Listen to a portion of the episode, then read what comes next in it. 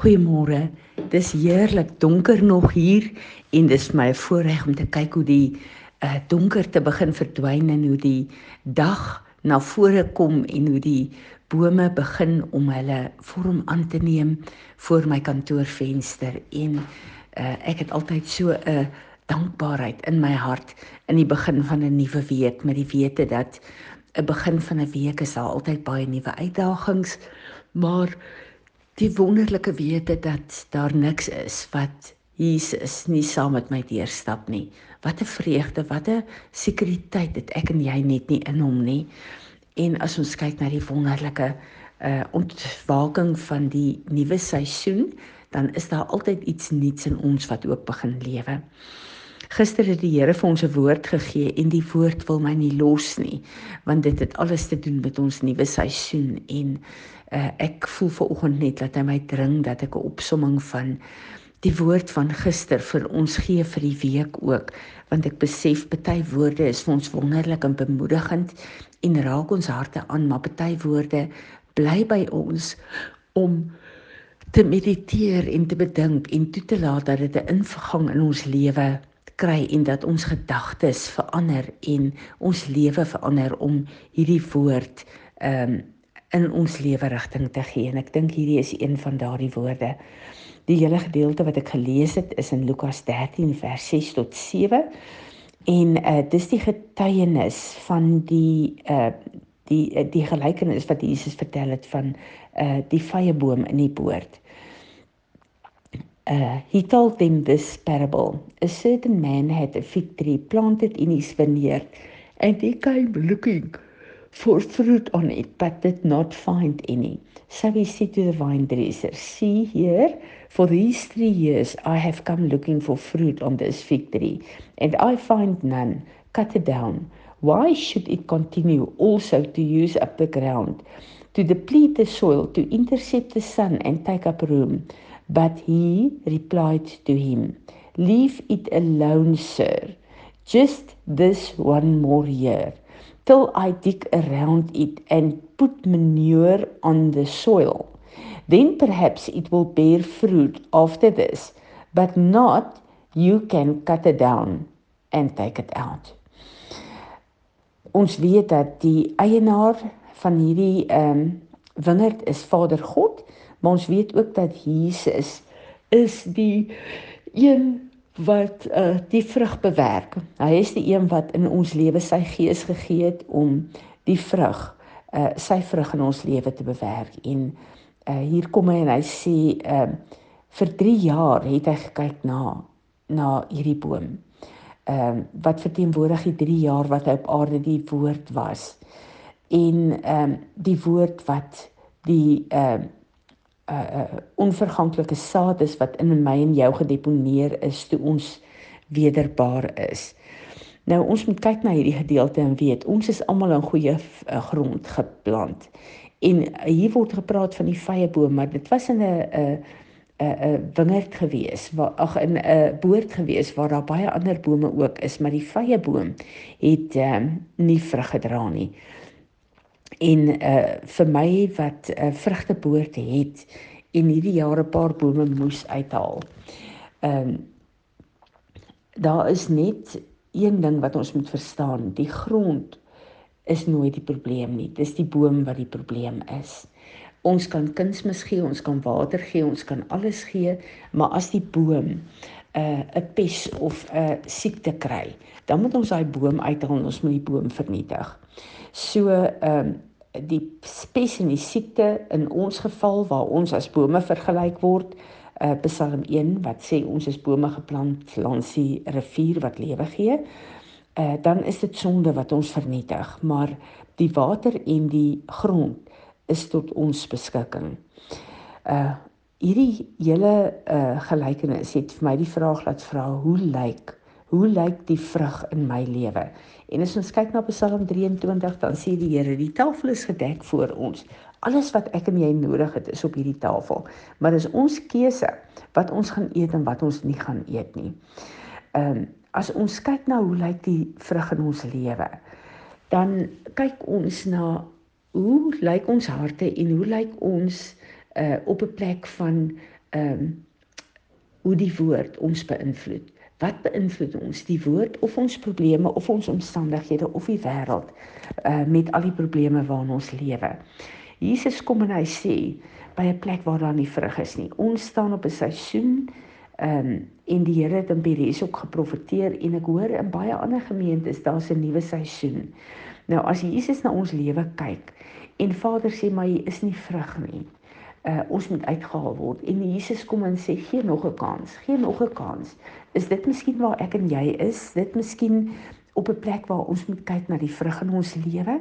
Dan kom Jesus en hy sê die heel eerste ding, hierdie boom, as hy toelaat dat ek in sy lewe werk, die boom kan niks vir homself doen nie. Ek moet in sy lewe werk, maar ek gaan twee dinge doen. Ek gaan omspit en ek gaan 'n uh, kunsmis gee. Die woord sê mis gee, manure gee. Nou heel eerste kom hy en hy sê hy spit om. Hoekom moet hy inspit? En wanneer moet hy omspit?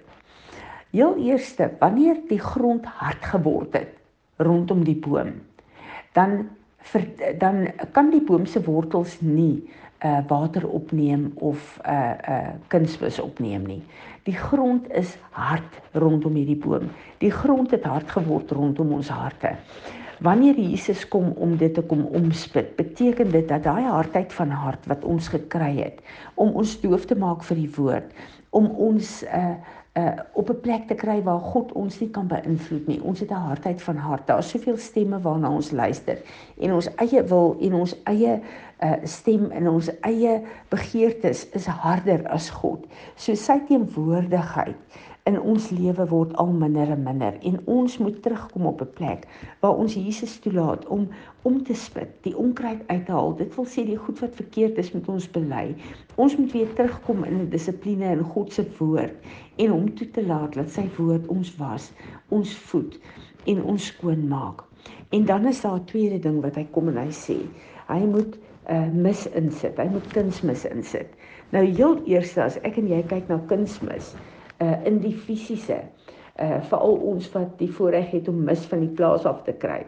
Dis gewoonlik 'n stinkspul en dis nie gewoonlik vir ons lekker nie. Maar daardie daai stinkmis raak 'n kunsmis wat ons kan ehm uh, uh, uh, uh vir ons kan uh uh kunsmis gee en voeding gee en al die nodige goed gee om weer vrugbaar te word en om weer uh vrug voort te bring. En uh, ek het so 'n bietjie gedink aan hierdie kunsmis en ek besef dat baie keer in ons lewe laat die Here dan ook toe en baie keer deur ons eie keuses dat daar pyn en uitdagings, siekte en teleurstellings in ons lewe kom. En ek het gister gesê as ek nou vir elkeen van ons vra, wie van julle het geen teleurstellings op hierdie stadium in hulle lewe nie?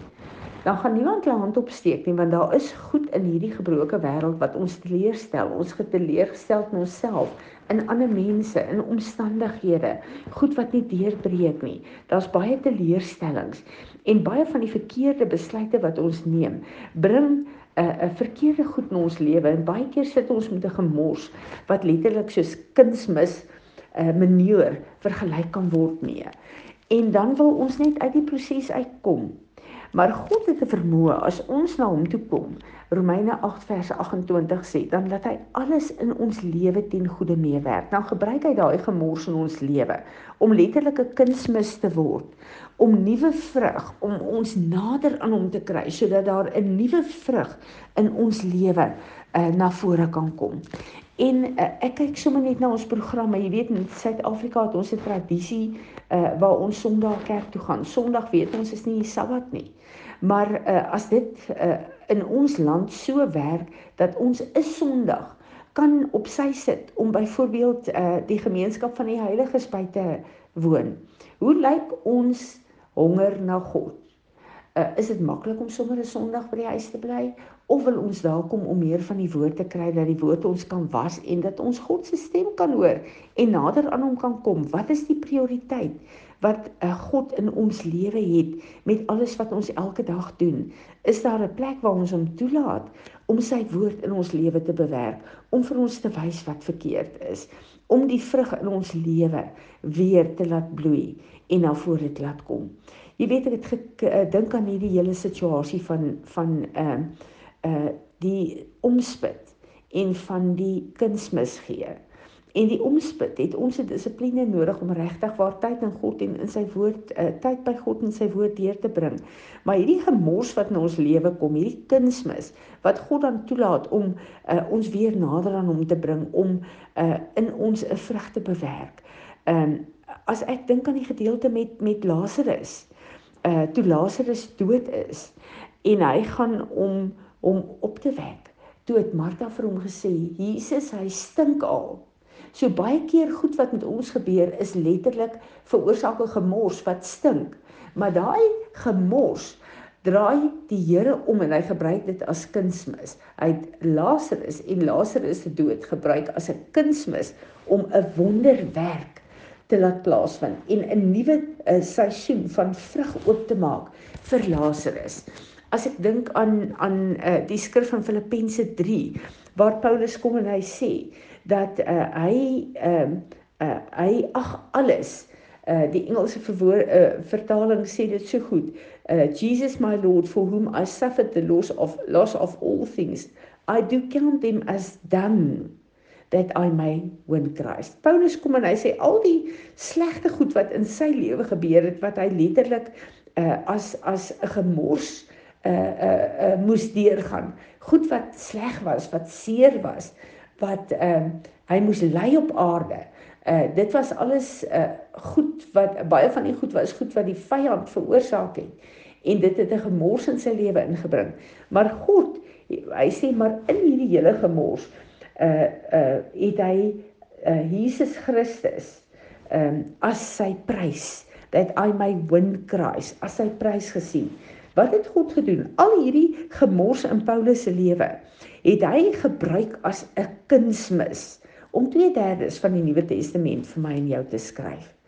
So die probleme in die gemors in Paulus se lewe was die kunsmis wat nodig was om vir ons die grootste gedeelte van die Nuwe Testament te gee, het ek geskryf.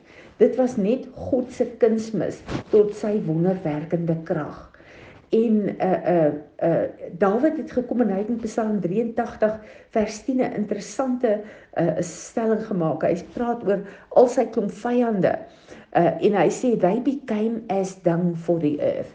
Hy sê al hierdie aanvalle van die vyand, al hierdie goed wat die vyand aan my gedoen het, het eintlik die kunsmis geword van wat God gebring gebruik het in my lewe om sy troon te bevestig op aarde en om te regeer vir hom op aarde. Wat is my en jou keuse? Ons lewe in 'n wêreld waar daar baie gemors in ons lewe inkom. Maar as ek en jy toelaat dat God die grond om ons harte in ons sielste mense, mense weer kom omdolf, dat ons weer kan kan die water van die woord kry, dat ons weer kan opneem wat hy vir ons wil gee, dan bring hy sy woord wat ons fondasie is, maar hy bring ook al hierdie gemors in ons lewe en hy verander dit in 'n kunsmis. Al hierdie probleme, as ek en jy kies om na hom toe te draai, dan kom hy en hy verander dit en hy gebruik dit as 'n plek om sy wonderwerkende krag in ons lewe vry te stel, sodat die vrug wat ons nodig het in hierdie nuwe seisoen, 'n vrug sal wees wat nie net ons sal sien nie, maar ook sy koninkryk sal uitbrei. Vader, Dankie vir hierdie gelykenis wat Jesus vir ons kom leer het. Ons wil kom as u uh plante wat u geplant het, u bome. Vandag en ons wil onsself kom onderwerp aan u hand, Here. Kom spit om die grond om ons harte, om ons verstand, om ons sielste mensie, sodat ons weer u woord kan opneem, Here, soos water, sodat u woord weer ons riglyn, ons fondasie sal wees, sodat ons weer u stem duidelik sal hoor. En dankie dat u kom, Here, en al die verkeerde goed in ons lewe laat omkeer volgens volgens Romeine uh, 8 vers 28 en dat u dit ten goeie sal laat meewerk en dat dit die kunsmis sal wees wat u wonderwerkende krag sal vrystel. Here, ons wil vra dat in hierdie nuwe seisoen u sal kom en die werk sal doen as die landbouer wat nodig is, Here, want ons wil vrugbaar wees vir u. Here Jesus, dankie dat u op Golgotha alles volbring het en dat ons vanoggend vir u kan vra deur u Heilige Gees kom en bring die vrug wat ons Vader sal verheerlik na vore in ons lewens. Amen.